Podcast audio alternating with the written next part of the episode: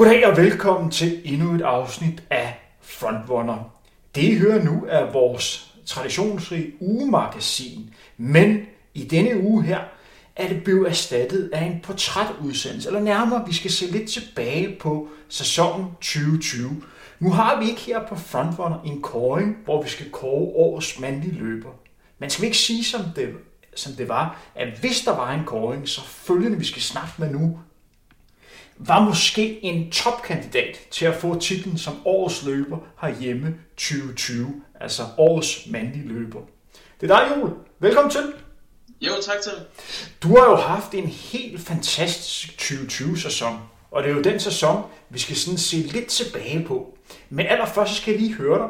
Du løb jo vinterturnering i søndags, og du vandt ja. efter et spurgegør med, med Peter Klans. Tillykke med sejren. Hvordan var det for løb for dig? Øh, det, var, det var et meget fint løb. Vi, øh, jeg havde egentlig set frem til det. Vi havde jo ikke rigtig, jeg har ikke rigtig fået lov til at løbe sådan decideret øh, konkurrence i cross. Jeg havde løbet en vinterturnering runde før, men det var bare som træning i juniorløbet. Så jeg så egentlig frem til øh, at konkurrere ordentligt igen. Det var omkring to måneder siden, jeg sidst havde fået lidt, lidt rigtig konkurrence. Så jeg så frem til at komme op mod Peter Glans og Emil Holm og ja, Michael Jonsen.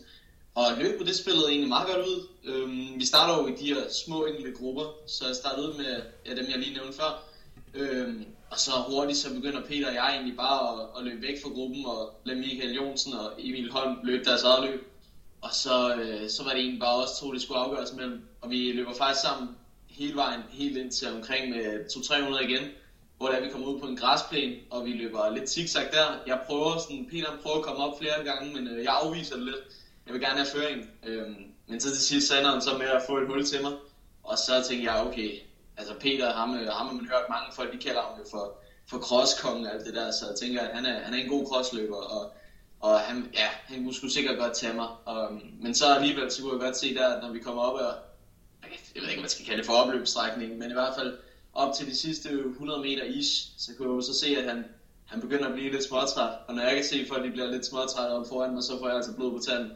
Og så gik jeg egentlig bare til den, og kom tættere og tættere på, og så lige på de, måske de sidste 3 meter, så når jeg lige op forbi og, øh, og vinder løbet. Så det var, det var fedt løb. Det var, du, du er jo lige fyldt, du er jo lige fyldt 17 år, og nu får du altså din første sejr i din første start som, som seniorløber i en turnering, vinterturnering, som ikke helt har den samme prestige, som de har haft øh, tidligere, men alligevel hører det til sjældenhederne, at en 17-årig tager en sejr i seniorklassen. Der konkurrerer man jo normalt i sin egen aldersklasse. Er det her den største sejr for egentlig?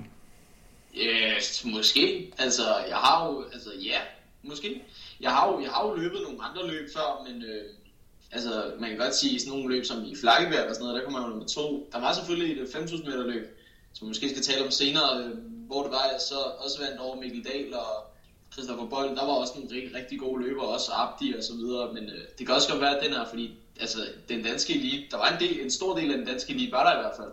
Der manglede selvfølgelig nogle få navne, men men man kan godt sige, ens, ens første seniorløb, og måske var jeg også den yngste nogensinde til at vinde DAFs vinterturnering.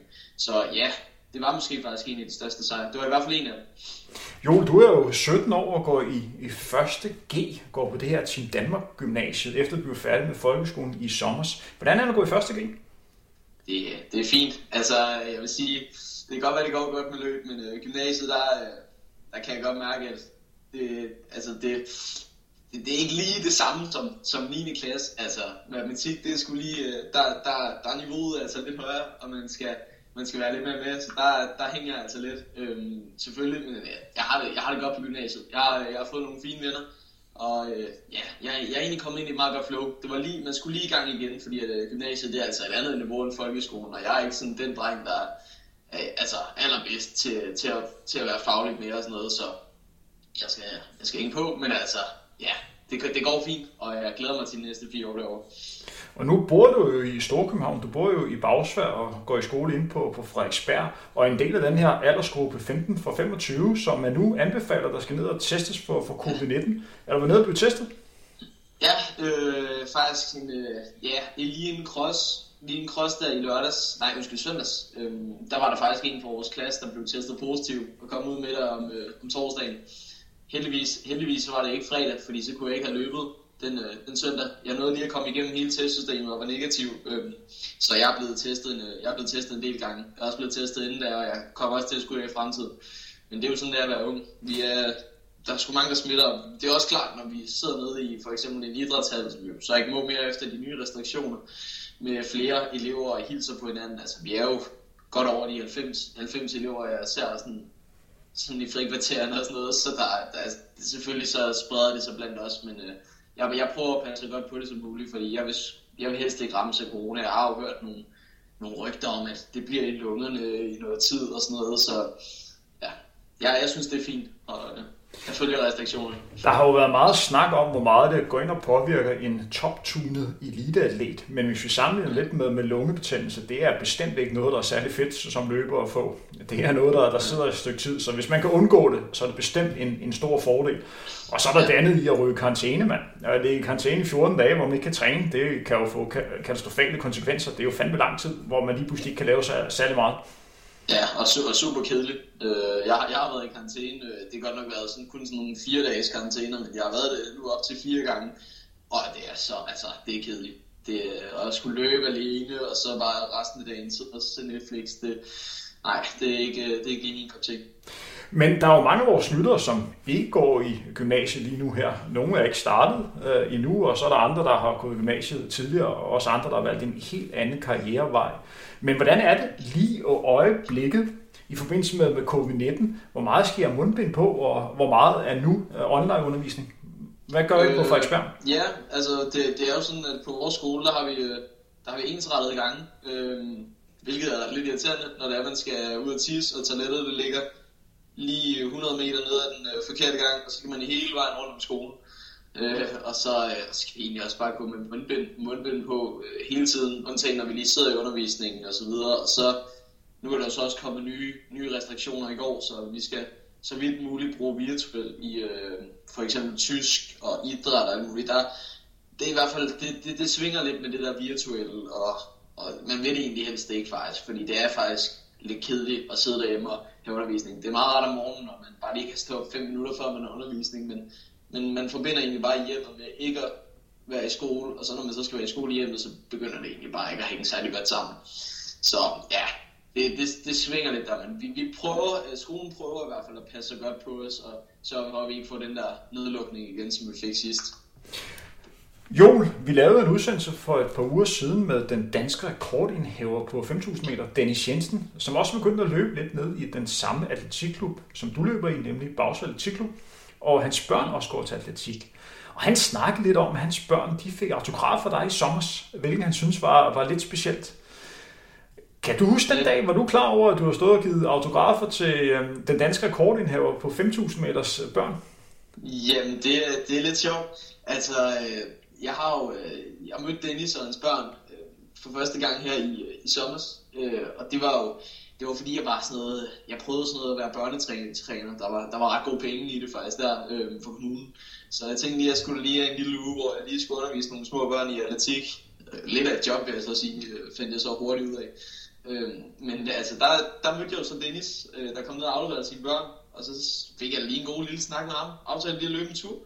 Og så, øh, jamen, så hurtigt, så fik jeg også hurtigt øje på hans børn, fordi det, det var Dennis børn, ikke? Det er, selv, det er Dennis Jensen jo. Øh, så, så dem, dem, øh, dem gik man også holde lidt øje med, og, og ligesom de kunne lidt løb og sådan noget der. Men øh, det, det, det, var sgu egentlig lidt sjovt. Så, så de sidste par dage, så skulle man lige, eller den aller sidste dag, så, så blev man lige pludselig bedt om af Line, som er vores klub, klubformand, øh, og dele autografer ud til alle de her børn. Øh, og der var, der var, altså jeg tror nærmest, jeg tror nærmest, der var ingen, der kendte mig, men alle sammen ville alligevel gerne have det. Så, så der var Dennis Børn jo nok, nok også en af dem, og så har man jo også bare øh, lagt mærke til dem lige siden. Så ja, men øh, det, det er sgu meget fedt, altså jeg, jeg har givet autografer til børn i klubben her i de, øh, de seneste, sådan, to, altså to gange cirka, øh, her i den seneste tid i klubben, der, så jeg har faktisk, altså jeg har da fået det lidt ud, jeg har også nogle øh, børn, der er kommet op og har billedet med mig efter et løb og sådan noget, det, det, det er meget sjovt. Det er noget nyt. Jeg har ikke prøvet det før. Hvordan er det at være et forbillede for andre? Det er, ja, det er stort for mig på en måde. Altså, jeg ved, der er, jeg har fået at vide af forældre, og også fået at vide af selve små børn. Der er, mange, der er nogen, der skriver til mig altså, og siger, at mit, mit barn han tager altså op til dig, og, Og så er der også nogle af dem selv, der kontakter mig og spørger om gode råd og alt muligt. Jeg synes, det er stort. Altså, jeg, jeg har aldrig i min vildeste fantasi forestillet mig, at der var nogen, der skulle have mig som et forbillede. Øh, men det kan jeg jo så tydeligt se nu, at det, det er der, så altså, det, det er noget helt nyt. Men øh, jeg kan sgu meget godt lide. Jeg synes, det er lækkert. Hvis vi spoler lidt tilbage, og så tager udgangspunkt i, i din sæson 2020, så vi skal gå lidt ned i memory lane. Vi starter i januar måned, og det er altså begyndelsen af, af 2020. Vi snakker om i december i 2019, hvor du var til Europamesterskabet i cross, hvor du stiller op i, i juniorklassen i, i Lissabon, og så er der altså gået i gang med den her vintertræning. Hvad var det for en, en jul, vi havde tilbage i januar 2020? Ja, altså sent, altså hvis vi nu kigger tilbage på, vi optog faktisk, jeg kommer i tanke, vi optog faktisk sidste år til i december en podcast, øh, også inden i en cross, øh, og hvis vi kigger på den, den jul, der var til på det tidspunkt, og den jul, der er i dag, så er, vi, så er det helt to forskellige. Altså, dengang, der var jeg lidt, altså, jeg er selvfølgelig, jeg er selvfølgelig stadig uerfaren, uerfaren, men altså dengang, der var jeg endnu mere uerfaren, og jeg vidste ikke rigtigt, hvad det var, jeg havde foran mig, men jeg vidste, at jeg ville gøre noget godt, og jeg vidste også, at jeg, at jeg, havde, at jeg havde gode ben, og jeg kunne, kunne slå nogle gode rekorder i fremtiden og sådan noget, men jeg havde ingen, ingen idé om, hvordan mit 2020 det ville se ud. Jeg vidste bare, at der ville være et uendeligt om sommeren, som jeg gerne ville præstere godt til. Og øh, andet der havde jeg ikke rigtig nogen forventninger. Men jeg, jeg lå gerne ville under en øh, sub 30 gradens på en tier på, på det værende tidspunkt i den vintersæson, og var egentlig okay på, godt tilfreds med min internationale øh, løb, som jeg lige havde lagt ved cross med henholdsvis NM og EM to måneder inden. Så altså i januar 2020, der, ja, der sad jeg klar med et, øh, med et år og vidste, at jeg ville gøre noget, noget godt. Øh, jeg ville præstere godt, men jeg vidste ikke helt, hvordan jeg ville præstere. Fordi da vi går ind i, i 2020, og det er rigtigt, at vi havde en snak. Det er jo stort set på årsdagen, siden vi snakkede ja. sammen sidst. På det tidspunkt, der havde du personlige rekorder på 1500 meter, som hed 3,57 på 5.000 meter, 14,49 og 30,35 på 10 km landevej. Er de personlige rekorder korrekt? Kan du huske, om ja, de tider passer? De, de er helt korrekte. Det, Hvis du havde fået et stykke papir på det her tidspunkt, hvad du være tilfreds med, udover at løbe under 30 på, på 10 km? Hvad du være tilfreds med på en 5? Vil du have solgt den for en 14-25 tid? Jamen, det var, det var også sådan det. Altså, øh, inden, inden hver sæson, der, øh, der laver Carsten og jeg altid sådan noget, der hedder mål, planer og træning, hvor vi lægger, hvor vi, eller sådan skriver ned nogle mål, vi har for sæsonen. Og der, øh, jeg kiggede faktisk lige lidt på det her for nylig, der kunne jeg så se, at på, på 5.000 meter, der havde jeg en plan om at løbe omkring 14.30. Og øh, jeg tror på 1500, der var der sådan noget, noget eller de 3.52, i hvert fald William Devanches danske ungdomsrekord, og så under 30 minutter på en, øh, på en, på en, på en tier. Så det var egentlig det, jeg sådan havde forestillet mig, at jeg gerne ville komme ind og gøre til, til, ja, til, til 2020. Så det, det var lidt sjovt. Så det var egentlig, ja, det var måske det, hvis, det du beskrev med at skrive noget ned på papir, der fik jeg det så bare skrevet ned på en computer. Og det var jo også en udsendelse, vi lavede for, for et år siden, hvor at øh, ham, som nogle gange er med også i de udsendelser, frontrunner Søren Rosenberg, han, han skrev til mig, at jeg skulle snakke med dig, og Anton, som jeg også lige må nævne, som var med i den udsendelse, han, han nævnte, at det her det er jo to kandidater i forhold til øh, OL 2024. Jeg må altid tilstå, at da jeg hørte det i starten, jeg tænkte, ah, det er måske lige tidligt nok, men øh, OL begynder at komme nærmere, gør det Jo, altså, øh, jeg har sagt til mig selv, øh, at jeg, jeg har to, jeg har to play, øh, play, eller sådan rejser, sådan planlagt øh, ferie, kan man nærmest sige. Øh, og det er, at jeg, jeg skal til Ja, jeg skal til Paris i 2024 og Los Angeles i 2028. Alle andre ja, destinationer, jeg skal ind til, de er ikke planlagt. Men de to, dem, øh, dem har jeg nærmest allerede booket flybilletter til. Det er dem, jeg ser frem til at komme over til. Og så spoler vi så lidt hen til, til februar. Og det er altså før alt det her corona virkelig begynder at fylde meget øh, herhjemme. Der løber du 10 km på, på Østerbro en dag, hvor der er rigtig mange løbere, øh, som har meldt ud, at de gerne vil løbe stærkt på, på 10 km distancen. Der er virkelig sket et boom i det, man godt kan argumentere for at have været den danske subilite på med en langdistance. Der har været mange løbere, som først omgang gerne lå under 31, så under 30-30 og så under 30 minutter. Og her var der en håndfuld løber, hvor man tænkte, det er jo godt lade sig gøre at komme under 30 minutter. Og det var specielt en del løber fra HMRC, der havde meldt ud, at vi vil gerne prøve det under 30 minutter øh, ved den her dag her på Østerbro, i forbindelse med en af deres marathon startup øh, løb. Du ender med at vinde det her løb i 30.01. Øh, først og fremmest, Hvor, hvordan så du det løb? Fordi det var vel første gang, at du virkelig øh, blev fra dig rent seniormæssigt.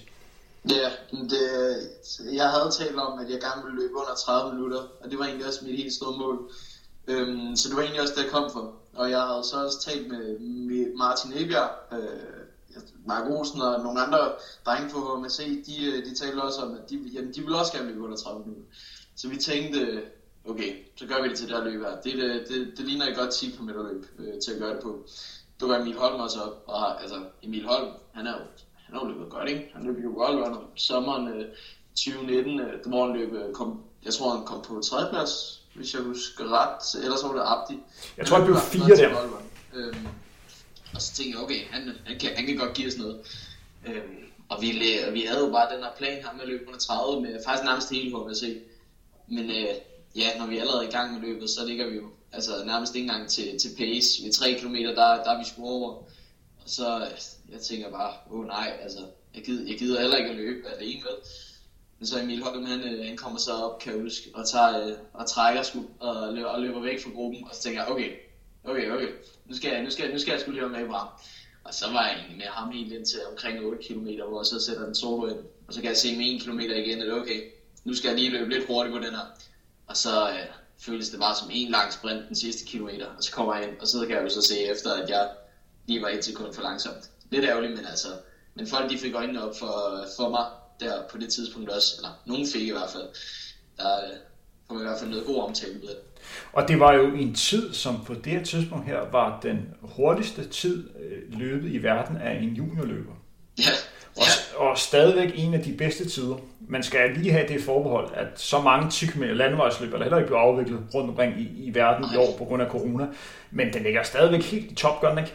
De 10 km tid. Øh, jo, jeg har, faktisk, jeg har faktisk ikke lige tjekket min 10 km tid nu. Jeg har tjekket min 5 og min 1500, men uh, 10'eren den er, den har ikke helt været ops på. Jeg Men altså, jeg, jeg ved jo, at hvis jeg kunne løbe den i dag, så, havde den måske, så kunne den måske ramme nummer 1 igen. Hvem ved?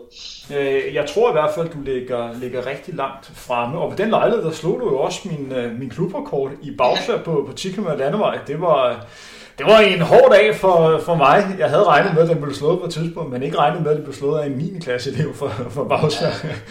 men, Inderst øh, så var det jo den, jeg jagtede til en død.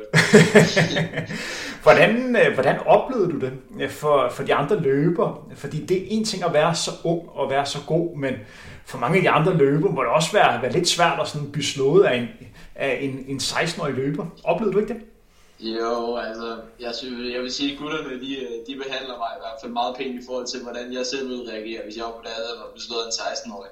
Altså, øh, alle de der HBC-gutter, de er jo bare overrasket, og så får man en kæft forløb på du egentlig stærkt, og så får man bare en kæmpe krammer af dem. Og det, jeg synes skulle vi, øh, vi skulle gode til at, til at respektere hinanden, og, og ja, vi har bare en kæmpe respekt for hinanden, og jeg har også en kæmpe respekt for dem. Så så det er super, ja, det er egentlig super fedt. Der, men jeg ved jo inderst inden, at der er nok nogen, der er lidt irriteret over, at, at, jeg, at, jeg, at de lige er blevet slået af en folkeskoleelev, ikke? og de nærmest topper deres karriere, så ja, det, det jeg, jeg egentlig, de, de, de er super venlige med. Kunne du mærke den her dag, at der begyndte at komme større forventninger til dig? Ja, ja, jo, altså, jeg er ikke sådan en, der tager decideret pres så hårdt på mig. Jeg er mere en, der presser mig selv. Altså, jeg, jeg skrev ud efter, øh, på Instagram nede i mit opslag omkring løbet, at øh, tro mig, den her tid, den, øh, den vil være ingenting i forhold til senere på sæsonen, så jeg laver også lidt et pres på mig selv, kan man sige. Fordi jeg præsterer godt under pres, så jeg følte egentlig bare, at nu skal jeg fandme fortælle dem, at, at det her, det, det er sådan min 2020, den starter, og det kommer kun til at gå en vej, og det er fremad. Så jeg tænkte bare, at det var en god åbning til 2020, og nu skulle jeg bare ud og give gas. Og det var jo også på det her tidspunkt, hvor du lidt begyndte at miste din uh, træningsbody, uh, Anton.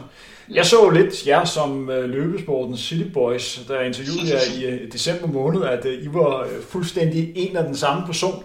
Og han begyndte så lige pludselig at have lidt mere fokus på, at han skulle til USA og studere og begyndte at løbe lidt rolige ture. Hvordan var det at lige pludselig miste en træningskammerat, som du har trænet så meget sammen med, og på mange måder også lidt kunne supplere hinanden? Ja, det var, det var, sgu, det var anderledes. Altså, øh, han, han, han, det var omkring starten af corona, efter vi havde fået løbet DM Cross, så, så begyndte han, ja, så begyndte han så småt at, at træne sit eget, og lave sin egen træningsplan, og, og vi begyndte så småt, han begyndte så småt bare ja, at forsvinde lidt langsomt fra vores træninger. jeg, ja, Anton er en af mine gode venner, så jeg talte selvfølgelig også mere om stadig og sådan noget. Gør egentlig også nogenlunde i dag. Han er jo i USA. Men, øh, og, så jeg begyndte egentlig at skulle vende mig lidt til det der med, okay, nu er det faktisk øh, nu er det alene på de her lidt længere intervaller i hvert fald. Øh, jeg har jo stadig et godt selskab af Christopher Frost, som er en, øh, som er en god 800 meter løber, som kan udfordre mig nemt på de, øh, på de, på de kortere distancer og kortere træninger, men øh, på de lidt længere tærskler der, så begyndte jeg så begyndte jeg at blive lidt mere et one-man-show, øh, i stedet for City Boys, som du siger. Øh, og det, ja, det var sgu lige noget, jeg skulle vende mig til, men øh, det kører jo egentlig meget fint. Og jeg ved, at Sensen han har det godt i USA, og træner også godt dernede. Ja, måske kommer han tilbage her til jul, så, øh, så kan det være, at han kan komme tilbage og lige og, og hygge lidt med på nogle intervaller. Det, jeg savner det i hvert fald. Det kunne være skønt, fordi det er desværre sådan, at når en løber enten er skadet eller sådan lidt væk, fordi han måske prioritere andre ting, eller mere fokus på træning, så har man lidt tendens til at blive glemt. Og det er, det er en ærgerlig tendens, man har i, i løbesporten, fordi det er jo også en stor talent, Anton. Ja, Jamen, der er, jo ikke, der er jo ikke mange, der snakker om, om så meget mere ifølge dem, jeg, jeg, taler, jeg taler med, som er andre løbere. Men nogle gange så er der selvfølgelig også nogen, der spørger, hvordan har Anton det og sådan noget. Så øh, jeg, jeg, jeg, jeg ved ikke helt, hvordan Anton han har det med det, men altså, det er jo ikke fordi, han har leveret så meget siden øh, EM Kroatio. Der er ikke rigtig så mange, der ved, hvordan det står til med ham. Øh, men jeg håber da, eller jeg ved det også snart, at han kommer tilbage. Han er jo i USA, og han skal også op og løbe for sit hold snart. Så han kommer, han kommer snart godt tilbage. Lad os håbe det, og så ryger vi så ind i den her øh, coronaperiode, hvor øh, landet delvis bliver lukket ned. Hvordan var det for dig rent træningsmæssigt? Ja, det, det var mærkeligt. Altså, altså det, ja, det var, man vidste ikke helt rigtigt, hvad det var, man skulle gøre. Altså, vi fik jo det her 10 og vi har et rimelig stort hold, så øh, det var sådan lidt, det var lidt tough. Øh, vi fik så fundet en måde, Carsten er god til at finde løsninger, hvor vi fik delt os op på en eller anden måde, og fik trænet inden for nogle små grupper, men altså man begyndte jo at nogle gange få lidt dårlig samvittighed, når man var ude løbe tur og sådan noget. Jeg trak det altid mit mund, øh, ikke mundbind, øh, det har jeg haft på så meget af tiden, men øh, øh min hasdisse øh, trak jeg altid op foran munden, og når jeg skulle løbe forbi folk og sådan noget, fordi man troede nærmest på det tidspunkt, at alle havde det. Øh, og det var, ja, det var en skør tid, men øh, jeg, fik, jeg fik trænet og, øh, med mine træningsmarker og sådan noget, så, så det var egentlig ikke fordi, jeg lå og løb så meget alene, som jeg kunne se, der var nogen, der fik gjort. Altså Thijs for eksempel, han lavede sit eget i et sommerhus, kunne jeg se, øh, på lang bordistand. Øh, så, så ja, vi, jeg kørte det ikke så meget alene, som, som nogle andre løbere gjorde. Det er jo også den her periode her, hvor der begynder at komme rift omkring dig. Du er jo en ung løber, der har vist store resultater. Jeg tror især, at den her 10 km tid, den gjorde indtryk på, på rigtig mange og beviste, at det her det var en løber, man skulle øje med. Hvordan var det at, at stå og opleve, at, at store tøjmærker i princippet alle sammen gerne ville skrive kontrakt med dig? Nu valgte du så at skrive kontrakt med, med Nike. Hvordan var det at opleve den her store interesse for, for en som, som løber og som person?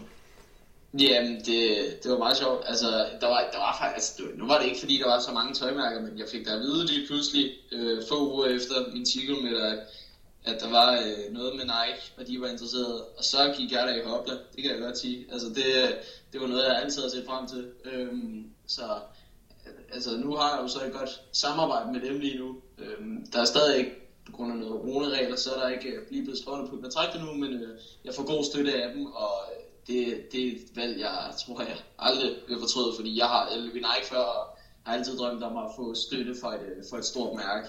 Og at man får det nu efter det løb der, det var, det var fedt. Og så tænker man også bare, at nu, det er som du så nævnte før med presset der, ikke? Nu, nu skal man sgu også levere, fordi at hvis, altså, hvis ikke du kan, kan, så kan sådan nogle mærker meget nemt trække sig fra igen, fordi der er så mange atleter derude, de kan vel at støtte.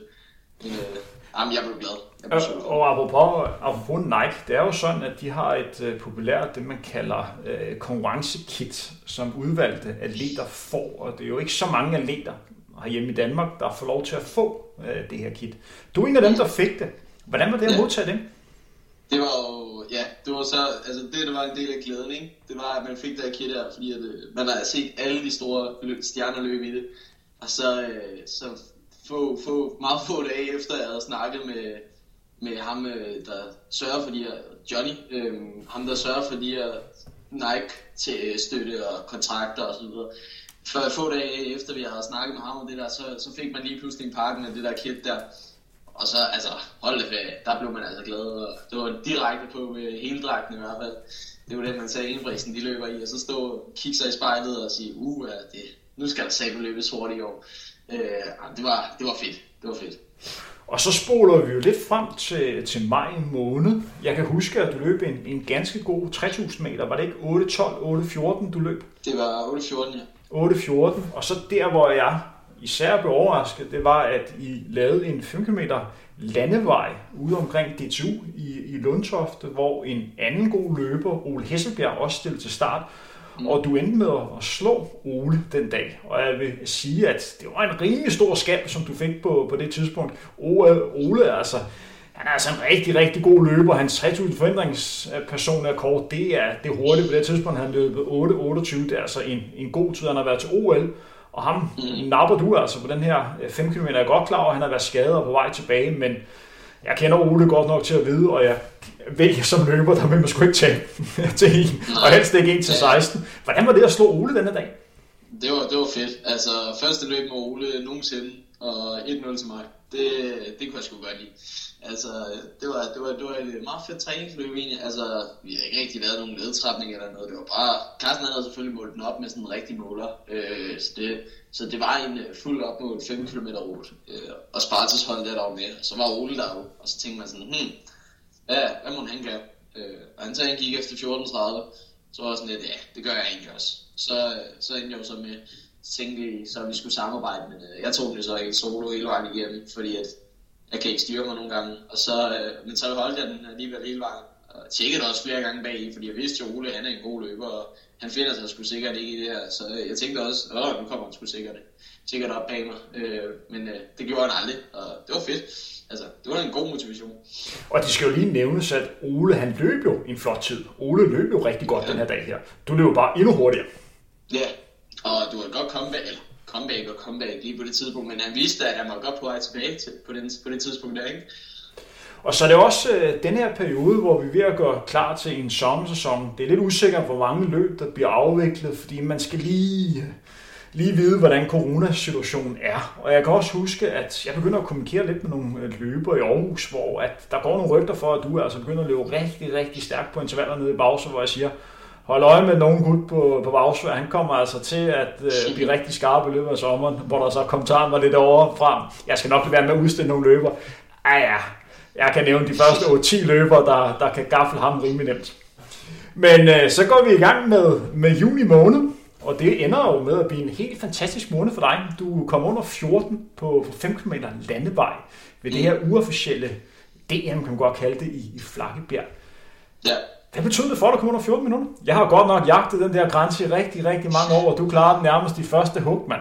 ja, ja, ja, det var, det var sgu, ja, det var, altså, det var, hvis der var et løb, der, var, der betyder mest for mig, øh, så var det nok det løb faktisk. Øh, specielt fordi, at øh, ugen for et, måske været to uger for inden, eller sådan noget, løb en 500 på 3.53, og var sådan lidt, ah, det, øh, det, var, det var ikke helt, hvad det var, jeg lige havde forventet. Øh, en season opener på banen, men altså, og så, så så jeg jo så, at Axel en uge for inden løb 14.06, tænker bam, damn, damn, altså, det, det, nu, nu, så, så skal jeg altså også kunne, fordi Axel og vi jo kommet ud af i mange år, ikke? Eller tre år, men altså, vi, så tænker man jo sådan, uff, hvis Axel kan, så kan jeg sgu også. Og så, øh, og så skulle man jo så løbe der løb, og jeg havde lige haft 9. klasse sidste skoledagsfest aftenen inden, øh, så jeg havde bare siddet og lavet det op i boots hele dagen. Øh, så kommer man derover har ingen forventninger andet end man vil hurtigere end 14.06, eller i hvert fald komme i nærheden. Faktisk, jeg, jeg husker egentlig bare som om jeg bare helst ville løbe 14.10, fordi at, øh, det var jo anden vej. Øh, og så bare at gå ud og levere et løb, og være bag på folk og, øh, som Thijs og, og Dybdal, og egentlig bare tænke, nu skal jeg bare være med dem her, her lidt i starten her, så de kan sikkert sørge for et godt udlæg, men så faktisk være med dem helt ind til, til slut, og bare overraske sig selv igennem hele løbet, og så løb 13.59, ikke? Som, som man slet ikke havde forventet. Altså, øh, det, det, det var stort for mig at komme under 14 minutter, uden nogen forventninger om det. Altså, det, jeg, jeg havde undret mig over, måske, altså hvis, hvis jeg vidste, jeg havde kunne løbe det der, så havde jeg måske løbet endnu hurtigere den dag, hvem ved, men altså, jeg var, jeg var, jeg var, jeg var godt overrasket over, hvad mine ben de kunne levere der. Øh, og det var, og det var et kæmpe, det var et kæmpe moment for mig, og det var det også efter. Altså, der kom så meget støtte fra folk, og så mange kommentarer, og masser, masser af følgere. Øh, så ja, det, det ændrede fuldkommen mit løb igen, lige, lige efter det løb. Fordi på det her tidspunkt, der er du 16 år, du er lige blevet færdig med 9. klasse, og en af de yngste løber herhjemme, der nogensinde er under, under 14 minutter på 5 km.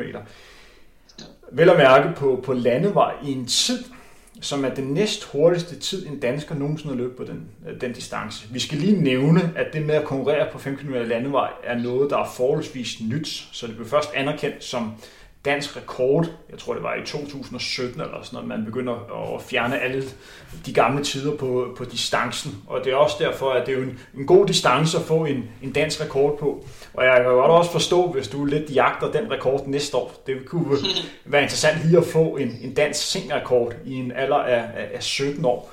Men kunne du mærke her, hvor stor interesse der var for 5 km? Fordi jeg var argumenteret for senere hen, at du har løbet en tid, som jeg synes, der er bedre end det her. Ja, altså, øh, der kom stor interesse for 5 km, fordi at der var så mange løbere, der meldte at løbe den. Fordi at, øh, det var måske lidt lettere løb åbenbart at sætte op. Altså, jeg ved det egentlig ikke. Altså, det, planen med det her flakkebjergløb, det var jo egentlig bare, øh, der var nogen, der ville gå efter dansk rekord, øh, som Thijs og Mikkel Dahl, han, han deltog så godt nok ikke, ikke? Men efterhånden, så øh, efter det løb, så synes jeg, at der var mange, der begyndte at løbe 5.000 meter på banen og så videre. Jeg tror, folk de fik åbenbart bare lidt mere motivation for den distance. Altså, vi kunne se det på kravtiderne til DM, at ranglisten øh, på, på, på de danske løbere, der var der jo været Ja, nu kan jeg ikke huske tal, men der var i hvert fald mange løbere, der var under de der 14-20, eller hvad der var for noget. Jeg tror, man, jeg tror, man skulle løbe under 14-21 for at kvalificere sig til DM, og det ja, vil sige, at man skulle præcis. være så har man så været i, øh, i, top, øh, i top 16. Men det, som jeg mente her, det var, at da du kom under 14, lige pludselig ja. begyndte det at have fokus på det. Jeg tror også TV2 begyndte at have fokus på det, og mange medier begynder også at have, altså skrevne medier, lige pludselig begynder at have fokus på den der unge løbekomet, ja. som var for, øh, for bagsvær. Det var lidt specielt, var det ikke?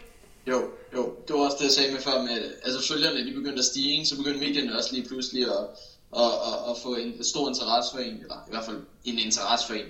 Øh, blev kontaktet af DR Sporten dagen efter nærmest. Øh, fik lige pludselig også skrevet en artikel om mig i politikken, og så også øh, Lokalavisen og TV2 fik også skrevet lidt, og, og lige pludselig så skulle jeg med i P3, ikke? Altså, øh, og alt det, det skete øh, nogenlunde inden for en uge, så det, det gik rimelig godt stærkt. Øh, men jeg synes bare, det var fedt. Jeg nød mine, mine, ja, mine syv dage, seven days of fame. Øh, og så vidste jeg egentlig også godt, at efter det, så, øh, så næste gang, jeg ville kunne få sådan en omtale, det ville være, hvis jeg leverede endnu et godt konkurrence, eller endnu, undskyld, endnu et godt løb. Så, øh, men altså, jeg nød det på det tidspunkt, øh, men det var, det var sgu, det, øh, det var lidt, altså jeg havde ikke regnet med, da jeg bare kørt på vej med min mor og far på forsædet øh, til Flakkebjerg, at øh, jeg ville komme komme ud med, med alt det der. Det havde jeg ingen, ingen idé om. Og det var også en vild periode, som sagt, blev du lige færdig med, med 9. klasse, og gætter mig også frem til, at der var nogle lidt sjove fester. Der må, ja. der må være gang i den her periode her. Jo, jo. Altså, jeg, jeg skiftede meget mellem at være en, en ung, ung øh, folkeskoleelev til at være en eliteløber. Altså, det, det svingede meget. Øh, der, der var selvfølgelig en, nogle fester, hvor man også lige takkede nej. Men efter Flakkebjerg, der tænkte jeg også, nu skal jeg skulle lige, nu skal jeg skulle lige fejre det. Der var så også noget divisionsfest, og vi mødtes også ude i nogle parker og sådan noget, så jeg, jeg fik også festet lidt. Øh, selvfølgelig begrænset lidt alkohol, jeg skulle op og træne. Øh, selvfølgelig så fik jeg også drukket alkoholen, øh, for jeg skulle også fejre, så øh, der, der, det, det, det svingede meget. Øh, også dagen for inden jeg løb Flakkebjerg, der var jo så også allerede ude at være en, en ung folkeskoleelev der. Så altså, ja, det fortæller jo lidt om, hvor, hvor, meget, hvor meget jeg egentlig svinger lidt mellem det der, altså lige pludselig aften inden at skulle ud og fest med nogle venner, og så dagen efter skulle ud og præstere. Så ja, jeg ved ikke, hvor optimalt det er, men altså, jeg synes at det går da meget godt indtil videre. Tænkte du over i den her periode, hvad du sådan skulle lægge op på sociale medier? Havde du nogen betænkeligheder med at for eksempel lægge et billede op, hvor du drak en øl? Ja, altså, øh, altså jeg vil sige, hvis man følger min Instagram, så er det nok ikke så tit, der dukker fest-snaps op, eller, eller jeg skal ikke snaps, uh, stories op, eller noget. Jeg, jeg er ude til nogle ting her og der, øh, altså lige, lige her for tiden med corona selvfølgelig, så, øh, så, så sker der virkelig ikke så meget. Men altså, men jeg poster, jeg prøver at poste sådan nogenlunde lidt, fordi jeg ved, at en kæmpe altså, del af mine følgere, de er, de er atleter, og, øh, og jeg vil egentlig helst bare gerne promovere mig på den profil, som jeg har som en atlet. Øh, selvfølgelig så skal der også varieres lidt nogle gange, så der kommer der også. Der var der for eksempel, øh, jeg kan huske, der var nogle andre, der repostede video med mig og en ølbold, øh, lige efter min 5 km. Øh, så der, der dukker der også lidt op her der, men altså jeg prøver også at holde det lidt nede, så jeg virker så atletagtig som muligt, fordi jeg er jo en atlet. Altså, det, det vil jeg selv betegne mig selv som. Så det er også det, jeg prøver at vise mig som. Det var også i denne periode, hvor man begyndte endnu en gang at have fokus på den her lidt skabte rivalisering mellem uh, unge Axel, der er, hvad er han, 3-4 måneder yngre end dig. Ja. Uh, som, hvad har han løbet, 14.06 i år, og så også ja. løbet, hvad er det, 9.07 på uh, forhindring. Ja. Og I er, jo to, I er jo to løbere, som i princippet er uh, den danske fremtid på mellem langdistance. Hvor godt er det at have en anden løber, man sådan kan ligge og duellere lidt med? Jeg synes, det er fedt altså Axel er virkelig konkurreret, altså som jeg nævnte før, vi har faktisk, altså nu kommer der meget fokus på os, øh, men vi har jo, vi har jo også konkurreret øh, før i tiden.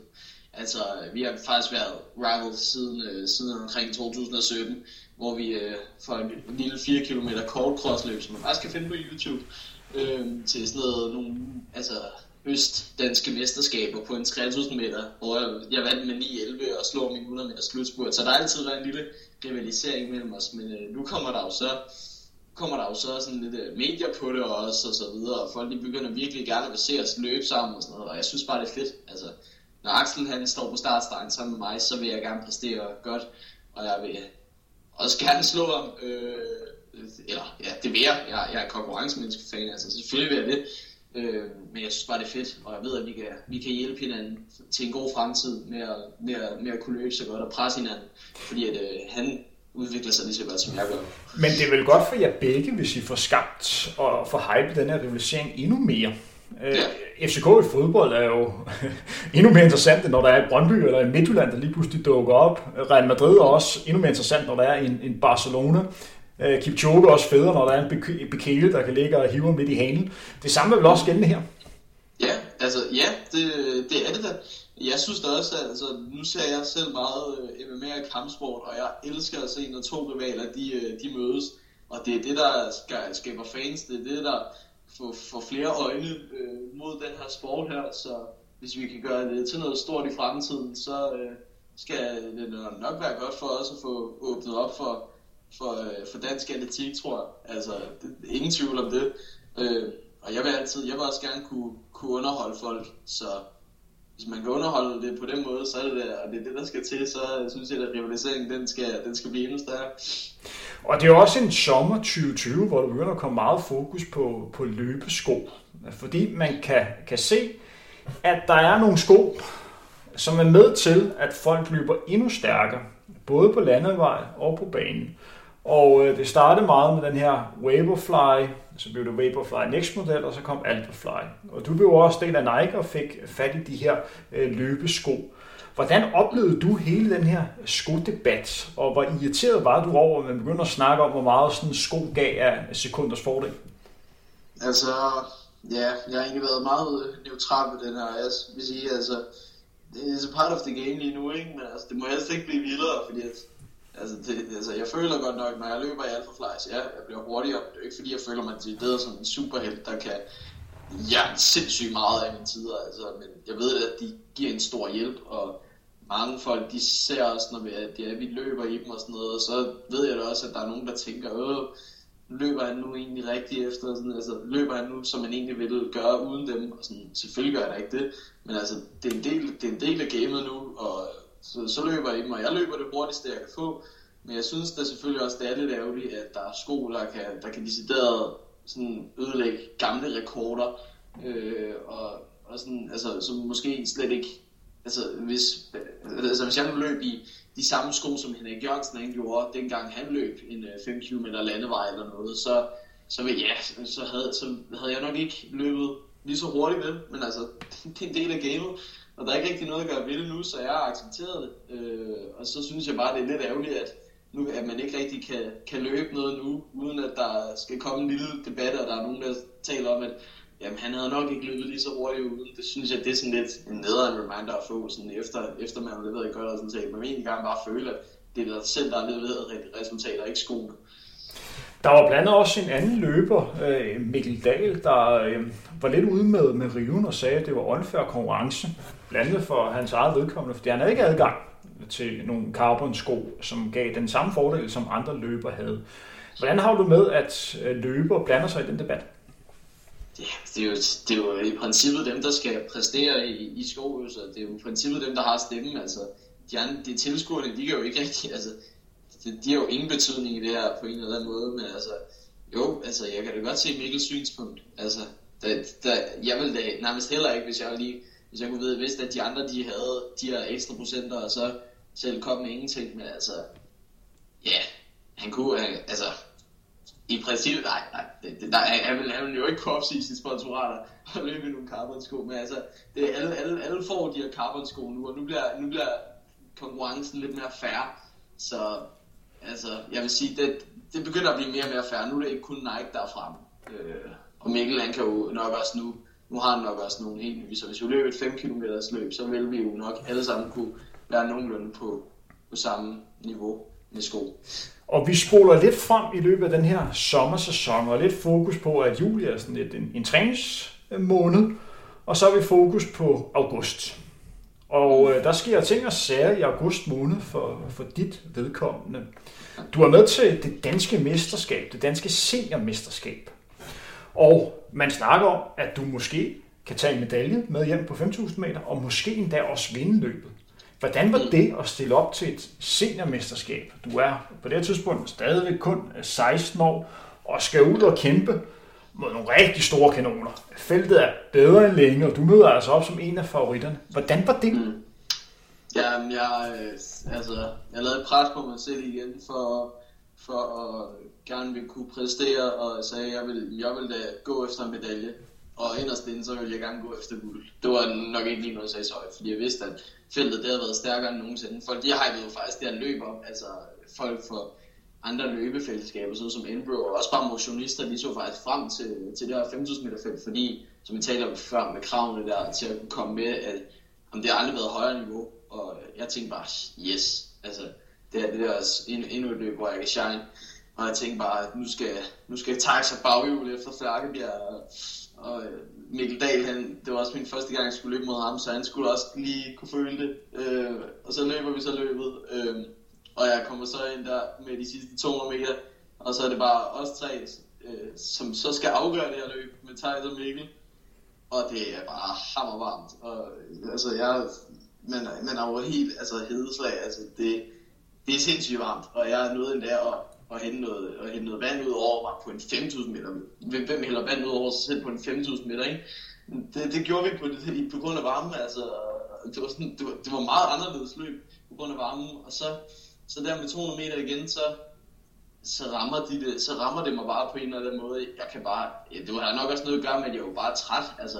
Jeg kunne bare ikke sætte nogen spurt ind mod dem, og så fik de løbet forbi mig. Jeg fik, jeg fik lukket af på sådan noget 31 eller sådan noget. De andre, de løb bare sindssygt hurtigt, men, men det, så kom jeg ind på tredje plads, og jeg var egentlig ret skuffet øh, efter, fordi jeg havde inderst inde drømt om at få en guldmedalje, men, og jeg er også en dårlig taber, ikke? men altså, da jeg så vågnede op dagen efter, så var jeg egentlig, jeg var egentlig okay. Altså, så, var jeg, så synes jeg, det var, så, altså, der er jo ikke mange junior, juniorløbere, der har taget, der har taget medalje til et seniormesterskab, især ikke med sådan et højt felt, så, så det, jeg blev rigtig godt tilfreds.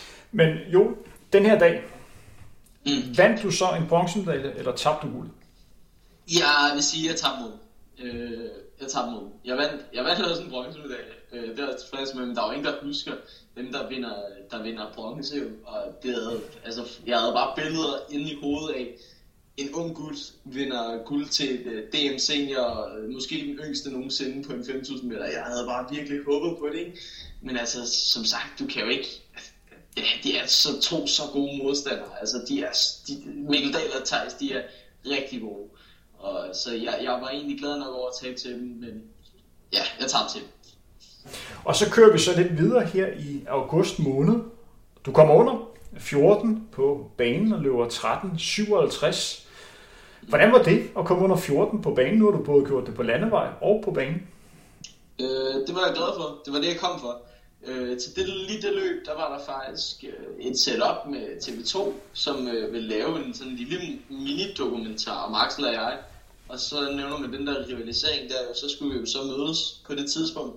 Det eneste løb i lang, lang tid, hvor det er, vi skulle møde hinanden, så jeg tænkte, okay, i dag der, og Mikkel Dagland dukkede jo også forresten op, som jo havde slået mig på 5.000 meter før, så nu tænkte jeg, puh, jeg havde i forvejen lige løbet, øh, altså det var inden for to uger, så havde, så var det to og en halv eller sådan noget, så havde jeg lige løbet 5.000 meter og 1.500 meter, og det var efter den 1.500 meter, det var sådan nok omkring 3-4 dage efter, så skulle jeg løbe den her 5.000 meter igen. Så jeg tænkte, okay, min krop den må være lidt træt, og dagen op til, så var jeg egentlig ikke så motiveret og sådan noget øh, for at skulle løbe, men øh, da jeg så stod derovre, og der var kamera, der fulgte mig igennem hele min opvarmning og så videre, så tænkte jeg, okay, nu, nu er der det der pres igen, og nu skal jeg præstere. Og øh, det fik jeg så også gjort, og passerede Axel og tænkte, yes, nu, øh, nu er den safe, og så var det Mikkel Dahl, der manglede. Og så kunne jeg så se med en omgang igen, at hua, det skal gå stærkt, hvis vi skal under 14 minutter. Og det, det, gik, det gik så også stærkt, vi øh, rundede sidste omgang i stedet måske 60, øh, måske lige lidt under. Vi fik i hvert fald løbet de sidste 200 meter øh, på omkring de 28 sekunder på en 5.000 meter, øh, og en rimelig hæftig slutspurt mod Mikkel Dahl og Christoffer Bold. Christoffer Bold er overrasket også, der vil jeg sige. Jeg havde ikke regnet med, at jeg ville være med. Han løb sindssygt godt denne dag her. Ja, men øh, jeg tænkte, jeg tænkte så bare Mikkel Dahl, uff, uff, ikke? Altså, han er en stærk afslutter, og øh, kan jo godt huske, hvad det var, han gjorde til mig til DM for omkring de der to uger siden, så jeg tænkte bare, nu, nu Mikkel, nu skal du sætte ja. Og så, altså, han blev bare ved med at komme op, og jeg blev bare ved med at trykke på, og så holde trykket, og så kunne jeg så mærke til allersidst, at okay, nu begyndte de sig en lille smule bagud, og så kom jeg ind over. Så jeg tænkte faktisk mere på det tidspunkt på konkurrencen, og så kiggede jeg op på uret efter, og så så jeg 13.57, og det, det var en kæmpe tilfredsstillelse. Ja, det var, en, det var en god dag. Så vidt jeg husker det her løb her, så viste det også meget godt, hvor man står hen herhjemme rent løbemæssigt. Fordi der var en løber, Michael Jonsen, som offrede sig selv, mm. offrede sin egen chance for at løbe en, en god tid ved at være har. Fordi ja. jeg vil næsten tro, at han måske kunne have presset dig endnu mere, hvis han havde løbet hele vejen igennem, fordi han lå godt nok at trække der, hvor det begyndte at blive rigtig hårdt. Bestemt. Øh, Michael Jonsen, han er super Han var også, altså, lige efter det der med sådan løb de der 338, ikke? Han er en super, super god løber, øh, og har et ufatteligt højt niveau lige her på tiden. Og det havde han også der, tror jeg. Så jeg tror, altså, jeg, han havde slået mig den dag, hvis han, hvis han fortsatte. Men øh, han havde jo også fået et hardt arbejde øh, tildelt inden, inden løbet, så det var jo den kom og skulle udføre. Men hvis han havde været med, så tror jeg, at han havde løbet 13, 13 45, måske den omkring. Og, så jeg tror, han havde, han havde, han havde slået. Og lige en enkelt ting, vi også skal vende ved, ved det løb, inden vi går videre og skal snakke 1500 meter, fordi ja. der var et 1500 meter løb, som du løb på dage før, hvor du løb rigtig hurtigt. Men på det her 5000 meter løb på Østerbro, der var din ja. klubkammerat, Andreas Bube, han startede med at være har. Ja. Og Andreas Bube var jo ikke nogen hvem som helst. Vi snakker altså med løber, som har to medaljer på Europamesterskab, har været i fem EM-finaler inden for en periode af, af 8 år. En kæmpe stjerne. Hvordan var det at have Bubbe som, som har? Det, det er fedt. Altså, der var mange løbefans, som var kommet faktisk ud for at se det her løb. Øh, og så tror jeg også, at de nød at få set nogle stjerner, så som Bubbe. Øh, altså, Bubbe, han er jo en øh, næsten, kan man kalde klubkammerat. Han træner mig på Østerbro, så jeg sagde ikke så meget til ham, men jeg synes, det, det var fedt. Øh, jeg blev da lidt chokeret over, at det var ham, der skulle pæles, fordi nu ved jeg, nu kender jeg jo sådan, kender og kender, men altså jeg kan da se på Bube, at han er måske ikke sådan lige den allermest udholdende, når det gælder det lidt længere. Øh, så jeg tænkte, hvor langt kan han egentlig holde der tempo? Han holdt det da meget godt, vil jeg sige. Altså, ja, han gjorde meget, han holdt et stabilt tempo, som var på omkring de der 66 omgange, så det var fedt. Har du nogensinde løbet længere intervaller med Andreas Bube? Mm, jo, om sidste vinter, der, det var mit sidste intervalpas med ham, tror jeg. Der, der gav jeg ham øh, lidt tæsk på nogle tærskelintervaller. Fordi så, hvis vi kommer, ja, hvis vi kommer lidt ned og løber, altså det er jo sådan en definition til, hvad, hvad lange intervaller er, men altså, man kan sgu godt løbe til på intervaller. ja, ja, for fan. Altså når man ser ham løbe 200 meter intervaller, 400 meter intervaller, eller bare de her 800 meter pas, uh, altså, det, det går, altså han ligner en gepard på det stadion der, det, han flyver. Kan du huske, hvad Andreas har løbet på 1500 meter?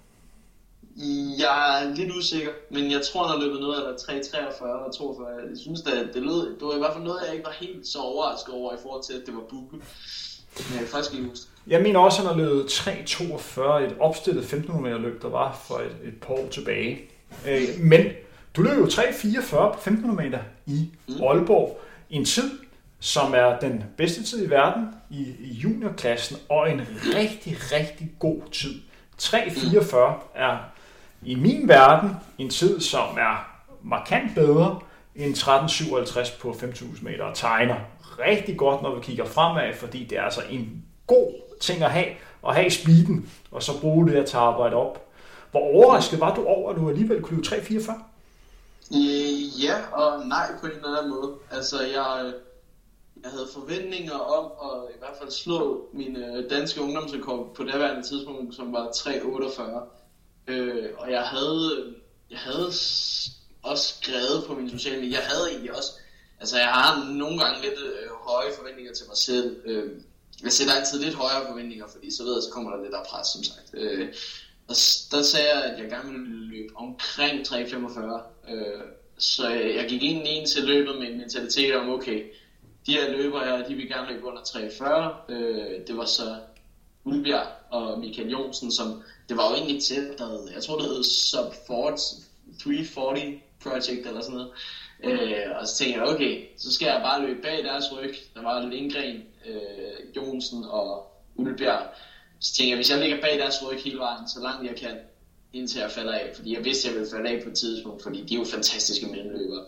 Øh, så ville jeg forhåbentlig kunne få en tid omkring de 3.45, og, og det gjorde jeg, da jeg kom lige et halvt sekund under. Øhm, så, ja, så det var jeg, altså, det var jeg glad for. Jeg var, jeg var rigtig glad. Det, det, det, jeg, glæden den kom egentlig lidt senere. Det skulle lige gå op for mig, hvor god en tid det egentlig er, fordi at, nu bliver man meget hypet op med de der 5.000 meter tider, men som du nævnte, jamen, så er den 1.500 tid faktisk markant bedre. Øh, det var også dansk 20-rekord der. Øh, og jeg slog også Lindgren som en rigtig god 1.500 meter løber. Øh, så øh, det var helt klart nok faktisk den bedste præstation, tror jeg, jeg havde leveret. Og det gik sådan op for mig sådan langsomt hen hen hen ad tiden, øh, også med verdensranglisterne og så videre. Så, øh, men øh, på det, lige efter løbet, der var jeg glad, men jeg var ikke sådan totalt glad. Altså, det var, det var bare sådan, yes. Men er det alligevel ikke, det godt resultat, ikke? er det alligevel ikke lidt specielt for dig, fordi du har været igennem rigtig meget på en kort periode. Du ja. løber under 14, og, og det hele går amok. Ja, ja. Og så løber du under 3.45, som på mange måder er en bedre præstation. Og det får slet ikke den samme opmærksomhed, og du ja. ligger der nummer et på verdensranglisten. Ja, det er jo det. Altså, jeg tror, jeg tror det havde, hvis, hvis, altså, hvis det havde, jeg tror også, det, var, det havde noget at gøre med det der med, at jeg også bare tænkte, ja, godt resultat. Fordi man ikke fik den der samme hype omkring det. Altså, man kan også se, hvis man der på, øh, nu, nu er der jo meget med de der likes at gøre. Fordi man kan jo se, efter resultater, når du poster noget, og så kan du se, hvor mange der egentlig synes lige, øh, der lige liker det, og hvor meget opmærksomhed det egentlig får. Hvis man lige kigger på det her løb 14 på første gang, så fik det sådan noget 870 eller sådan noget, tæt på 900. Og når man så kigger på mit 1500 meter løb der, så fik det lidt over de 600. Øh, 650 eller sådan noget der. Så man kan jo godt se, hvor meget opmærksomhed der egentlig er. Men jeg tror, det er fordi, at andre løbere, de kan jo mere relatere til en 5 km, end de kan på en 1500 meter. Men mit 1500 meter, det var uden tvivl, øh, jeg tror, min, min hurtigste præstation. Øh, og det er også det, jeg, altså, jeg nu kan se med verdensranglisten, ikke? Øh, og det er også, det er også, altså, atletikfolk, de supporter, eller de er også, de, de vil også nok også mene, at det er nok den bedste præstation, jeg har leveret. Ja, hvis vi lige skal slå en, en krølle her, så en af de bedste resultater, som er lavet i år i dansk mellem lang. Ole Hesselbjerg, der løb rigtig stærkt på 60 forventning. Var det ikke 8.23 han løb, og var meget tæt på at kvalificere sig til Det er altså en, en verdensklasse tid. Den tid fik slet ikke den opmærksomhed, som den burde, fordi det her, det er en exceptionelt god tid af en dansker. Hans ja. udfordring er bare, at han konkurrerer på en distance, som er rigtig svær for herre og fru motionist at forstå. Ja, det, er, det er sindssygt. Altså, øh, også sindssygt leveret af ham, men jeg, jeg, altså, jeg er skuffet over, at han ikke, han ikke får den opmærksomhed for det der, fordi jeg tror, at han løb 13.51 lidt før på en femmer, og der fik han mere opmærksomhed end han, ah, okay, det gjorde han nok ikke, men altså, han fik i hvert fald ikke lige så meget øh, opmærksomhed, som, man, som han ville fortjene, eller som han burde fortjene. Nu går vi lidt videre, fordi nu har vi snakket om en masse gode ting, som er sket i ja. 2020. Men vi er nødt til også at nævne en dag i september, hvor der skete en ting, som jeg, jeg har også været løber. jeg har også prøvet at have haft nogle dage, der ikke har været særlig sjove. Tro det eller ej. Men jeg kunne forestille mig, at der var en, en dag, hvor du skulle løbe 8 meter til det danske juniormesterskab, der måske ikke var den sjoveste dag i din karriere. Nej, det var det i den grad ikke. Øh, Jamen, det var, det var, det var, jeg vil, jeg vil, jeg vil sige for mig, for mig selv, der blev det lidt, lidt pinligt at løbe. Altså, det var DMU jo, og, øh, og jeg havde egentlig nærmest dengang engang i starten, så var der ikke, så vidste jeg ikke rigtigt, om jeg ville stille op eller ej, fordi jeg vidste jo niveauet, det ville ikke være lige, lige så højt som mit, øh, ifølge hvis vi kiggede på startlisterne. Øh, 1500 meter en dag inden, der løbet godt. Øh, jeg løb sådan, jeg løb faktisk 4.23, tror jeg, et taktisk løb, hvor jeg efter 800, med 800 igen, det gik meget taktisk for, så, så, så løb jeg ind i stedet, og der var ingen løb. Absolut ingen, der turde, der turde løbe med i mit tempo. Øh, og det var nok også fordi, de havde set ud fra, øh, fra hvor stor forskel der var på mig, på mine tider og deres tider. Øh, og så tænkte man lidt, nå, ja, okay. Øh, og så, så prøvede jeg egentlig også, tænke så, i stedet for at tage den klassiske 5.000, hvorfor ikke så prøve noget nyt? Hvorfor ikke løbe en 800 meter? Øh, og så bare lige se, om jeg kunne noget der. Øh, og jeg kom jo også ind som en kæmpe favorit der. Jeg gik jo selv, altså jeg, jeg blev støttet meget af folk. Der er mange, der, der er folk, der ser frem til at se øh, min løb åbenbart. Øh, jeg aldrig forventet, at der var nogen, der skulle, men øh, det, det er der nu bare i dag. Øh, og det, det, var der også der. Øh, altså, det, jeg ligger jo for, for eksempel foam roller lidt inden og møder nogle trænere fra Sparta eller nogle andre atleter og siger, åh, du kommer bare til at smadre alt og alle på den 800 meter. jeg er også bare sådan, ja, altså, ud for listerne, så kommer jeg sgu nok til at, til at skulle løbe et sololøb, og jeg talte om, jeg gerne ville gå efter 1.52 og løbe sindssygt godt, og bare trække den helt fra start og, og løbe solo, så løber vi. Så går løbet så i gang, jeg vidste godt, der var en, øh, jeg havde lige søgt lige lidt og fundet ud af, at der var en, øh, en løber, der havde løbet. Okay, han havde løbet sådan noget 1,57 eller sådan noget, øh, og var fra Viborg. Øh, jeg fandt så også ud af efterfølgende efterløbet, at han var fodboldspiller. Den, den, den gjorde lidt ondt. Øh, men øh, så træk jeg jo så egentlig bare afsted, og jeg tænkte bare, jeg kan få dem alle sammen af på det her, øh, på det her pace. Så løber jeg løber 26, laver de første 200, og ham der dreng, eller nu, lige en aldersklasse under mig faktisk. Øh, han, var, han var bare med i ryg. Så var sådan, nå, nå, okay. Løber vi så første 400 meter, 54 sekunder. Og sådan, åh, okay, han, han er stadig med. Jeg, jeg kan høre lige i min ryg, og det provokerer mig. Det provokerer mig virkelig meget. Og så med 200 igen, der løber jeg sådan noget 29 øh, som split derop til, og så tænker jeg, så begynder jeg altså at få det, nu begynder jeg virkelig at få det hårdt, og han er stadig med min ryg. Og så er der 150 igen, og så begynder han at ryge væk, og jeg er sådan, ja, nu er den der, nu er den der.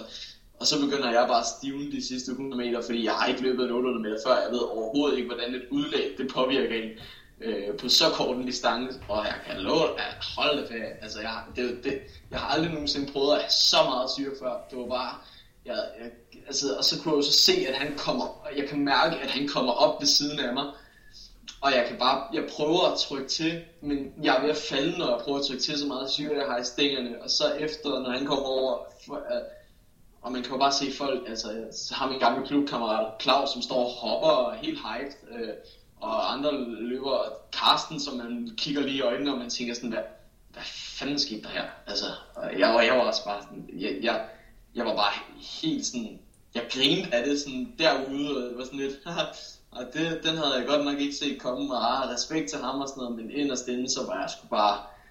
Øh, det var alt det pres, man har fået af medierne og andre løber. Det pres, jeg også lægger på mig selv der, som sagt, det, det gav jo bare på en negativ måde lige der, ikke? når man ikke kunne præstere, så inderst inde, der var jeg sgu bare... Jeg var, jeg var bare lidt småked af det over egentlig. Jeg gik så også ind og ringede til min far, og, altså jeg fik der en lille, faktisk en lille smule tår i øjnene nærmest. Øh, jeg synes, jeg synes godt nok, det var lidt hårdt at sluge et nederlag på den måde, og så også lige som afslutning på sæsonen. Øh, og så også bare, det var der, hvor presset det kan, det kan give lidt forkert, ikke? Ja, og så samtidig er det måske også sådan et løb, som du lærer allermest af. Ja, det var så også det, jeg fandt ud af efter, ikke? Øh, for man lærer mange ting, når man løber, løber stærkt, men det er, når man bliver udfordret, man virkelig tager nogle ting til sig. Øh, fordi mm. det må ikke have været den, øh, den sjoveste dag. Jeg kan huske, at det var, var det en søndag sådan midt i september, hvor det lige pludselig dukkede op på min Facebook, hvor det først var tænkt, okay, blev Jo slået på en 8 meter. Okay, han har altså sørget for, at der er en, en løber fra Viborg, som har fået den fedeste søndag. Han må ja, have haft den fedeste dag. Øh, så, så du må jo tænke, at du har givet en anden en rigtig, rigtig fed oplevelse. Ja, men også kæmpe respekt til ham, altså. Vi, øh, jeg, jeg, jeg, jeg talte, talte sgu egentlig også meget godt med ham, altså. Jeg har altid, vi har, øh, altså, vi har respekt for hinanden i den her sport, og der er der også, altså. Jeg synes, det var kæmpe kudo til ham, og han leverede et godt løb, og han havde en fantastisk flot spurt. Han er en super god løb, og, og forresten også en, men jeg tror, man virkelig skal holde øje med i fremtiden, fordi han løb ad 1,53, og han, er, han var den yngste i min aldersklasse, han var øh, lige de der 15-16 år, altså han, han, jeg tror også, han er en af de helt store talenter. Øh, og så blev man så også lidt mobbet med, efter at han var fodboldspiller og alt muligt andet. Det, det, det, var, det, var, det er bare lidt sjovt. Altså. Nu, nu, gør man lidt, nu er der folk, der gør lidt grin med det, når man selv er lidt højere op og flyve på resultatet. Så bliver man altid lige mindet om, at man er blevet slået af en fodboldspiller. Men jeg har kæmpe respekt for ham. Han er en fed fyr. Og Joel, så er vi ved at være færdige med vores års gennemgang. Der er jo et løb, som jeg rigtig gerne vil have snakket om. Og der er sikkert også andre, som kunne være interessante. Men jeg havde rigtig gerne set dig løbe etageløb igen i år. Ah, Fordi det, det er et fedt løb. Fordi det kunne have været året, hvor du fik en sejr derude. Ja, det tror jeg, det var i hvert fald det også det, ville komme på, hvis det blev afholdt. Jeg ved jo, Abdi han er en stærk løber, men øh, ja, jeg tror, jeg vil i hvert fald kunne give ham en god kamp. Og vi, skal, og, og vi skal jo lige nævne, at for os, som er, født i Bagsvær løbeområdet, der er det her løb bare noget, der fylder rigtig, rigtig meget. Imitageløbet er et stort løb. Tidligere var det sådan, at det var faktisk mere prestige at vinde imitageløbet, end det var at blive dansk mester på en af distancen. Fordi en gang med der altså en løber, der dukker op, der måske ikke har det højeste sportsniveau, som for eksempel bliver dansk mester, lad os sige på maraton, eller på 10.000 meter, eller på 1.500 meter, men der har aldrig været en dårlig vinder i imitageløbet. Det er altid, ja, det, det, det, er, er kun, historisk liste, ikke? det er kun klasseløber, der vinder det her. Øh, så, ja. så tidligere har der været rigtig, rigtig stor øh, prestige. Så hvis du kan, så få dit navn på, på den liste. Det aller sidste spørgsmål, du lige skal svare på, før vi siger tak for i dag. Som vi starter udsendelsen med, så er du nok årets løber 2020 herhjemme, uofficielt kåret af Frontrunner. Men hvis vi sådan skal kigge lidt frem, og så kigge frem mod 2021, det er nok de færreste, som har gættet på, at du skulle have dit store gennembrud her i 2020 og virkelig være ham, der, øh, der dominerede. Hvis du skal pege på en, som overrasker alt og alle i 2021, hvem skulle det så være? Ja, yeah, øh, jeg vil pege på en Axel er igen i 2021. Jeg tror, at jeg, jeg kan mærke allerede nu her i min vinterform, at jeg, øh, jeg, bliver, jeg bliver ved med at udvikle mig, jeg bliver ved med at blive hurtigere. Altså jeg tror, hvis jeg, hvis jeg går ned og træner, træner ned til en 1500 meter speed, så tror jeg gerne, at jeg vil kunne løbe omkring de 340. Øh, og jeg ved også, der kommer en indendørs sæson forhåbentlig. Øh, og der vil jeg også gerne jagte noget EM inden for senior. Øh, og jeg ved, at jeg vil, eller jeg håber da, at jeg kan levere og nogle sindssygt gode resultater i 2021. Og det ved jeg også, at øh, sådan en som Axel og de andre unge talenter. Og også Thijs og Abdi. Jeg tror også, Thijs han kommer til... Der er jo, der er jo maraton her i, her i weekenden, tror jeg, i Valencia. Jeg tror, at øh, Thijs han kommer til at, til at lægge et godt resultat og han kommer til at overraske på maratondistancen. Jeg tror måske, han kommer ud af de 2.10, men hvem ved? Vi har faktisk lavet en optagsudsendelse til lige præcis det løb, som der meget snart kommer ud, som man kan, kan høre om øh, vores vendinger til, til Thijs nu her på, øh, på søndag. Vi håber jo alle sammen, at han øh, kommer til at løbe hurtigere end 2.10.57 som hans nye personlige kort. Og tænk, han skal løbe et løb, hvor det rent faktisk ikke er helt utænkeligt, at han kan matche en tid, som man troede, der var fuldstændig uopnåelig for en dansk løber, nemlig den danske rekord på maraton på de her 2.09 øh, nummer 40. Thijs har en chance. Han har trænet det, der skal, det, der skal til, men øh, nu skal dagens lige ramme, og det, er, det kan sgu godt være en udfordring på, på maraton. Og så er der også specielt løb på grund af corona. Han skal jo ned og være i karantæne i to dage, øh, før han må gøre klar til løbet på søndag. Det kan helt sikkert også få, få en udfordring. Nu er vi ved at nå til vejens ende. Øh, jo, er der ting, som vi har glemt for 2020? Nej, jeg synes egentlig, vi har været igennem de, øh, de gode højdepunkter. Jeg vil sige uh, tak, tak for al den støtte, jeg får fra folk. det, er, det er sgu meget overvældende for mig. Uh, og jeg uh, tager det virkelig til mig. Uh, så ja, det, det var egentlig bare det, jeg vil sige til, til de folk, der, der godt kan lide at støtte op omkring det her. Jeg ved ikke, om man skal kalde det for projekt, men i hvert fald den her rejse her. Så ja, Hvordan har du det egentlig med, at øh, hvis man øh, er nede at løbe ved Vavsøsø eller Harskoven, og så lige pludselig ser dig komme løbende, og man prøver at, at se, om man kan på? Ja, der, der er nogen, der, øh, der, er nogen, der er ude og løbe tur med, som så lige godt lige kan tænke sig. Der er jo nogen, der ved, hvem jeg er her i, her i kommunen. Øh, men som, men synes du, det er fedt? på at hænge sig på, ikke? Og så lige, øh, og så lige drille lidt, og så øh, kan de ikke hænge mere end sådan 100 meter. De har som regel sådan en løbemarker eller sådan noget, de er ude med, og så bare sige, ja, ah, god tur, så. Og så, så fortæller man her præcis. Det er sgu meget sjovt. Joel, tusind tak for, at vi må, vi må ringe til dig, og uh, tillykke med, med titlen. Jo, mange tak. Tak for det, Tim. Det her, var, det her var Frontrunner. Mit navn er Henrik Thiem. Vi høres ved igen inden længe.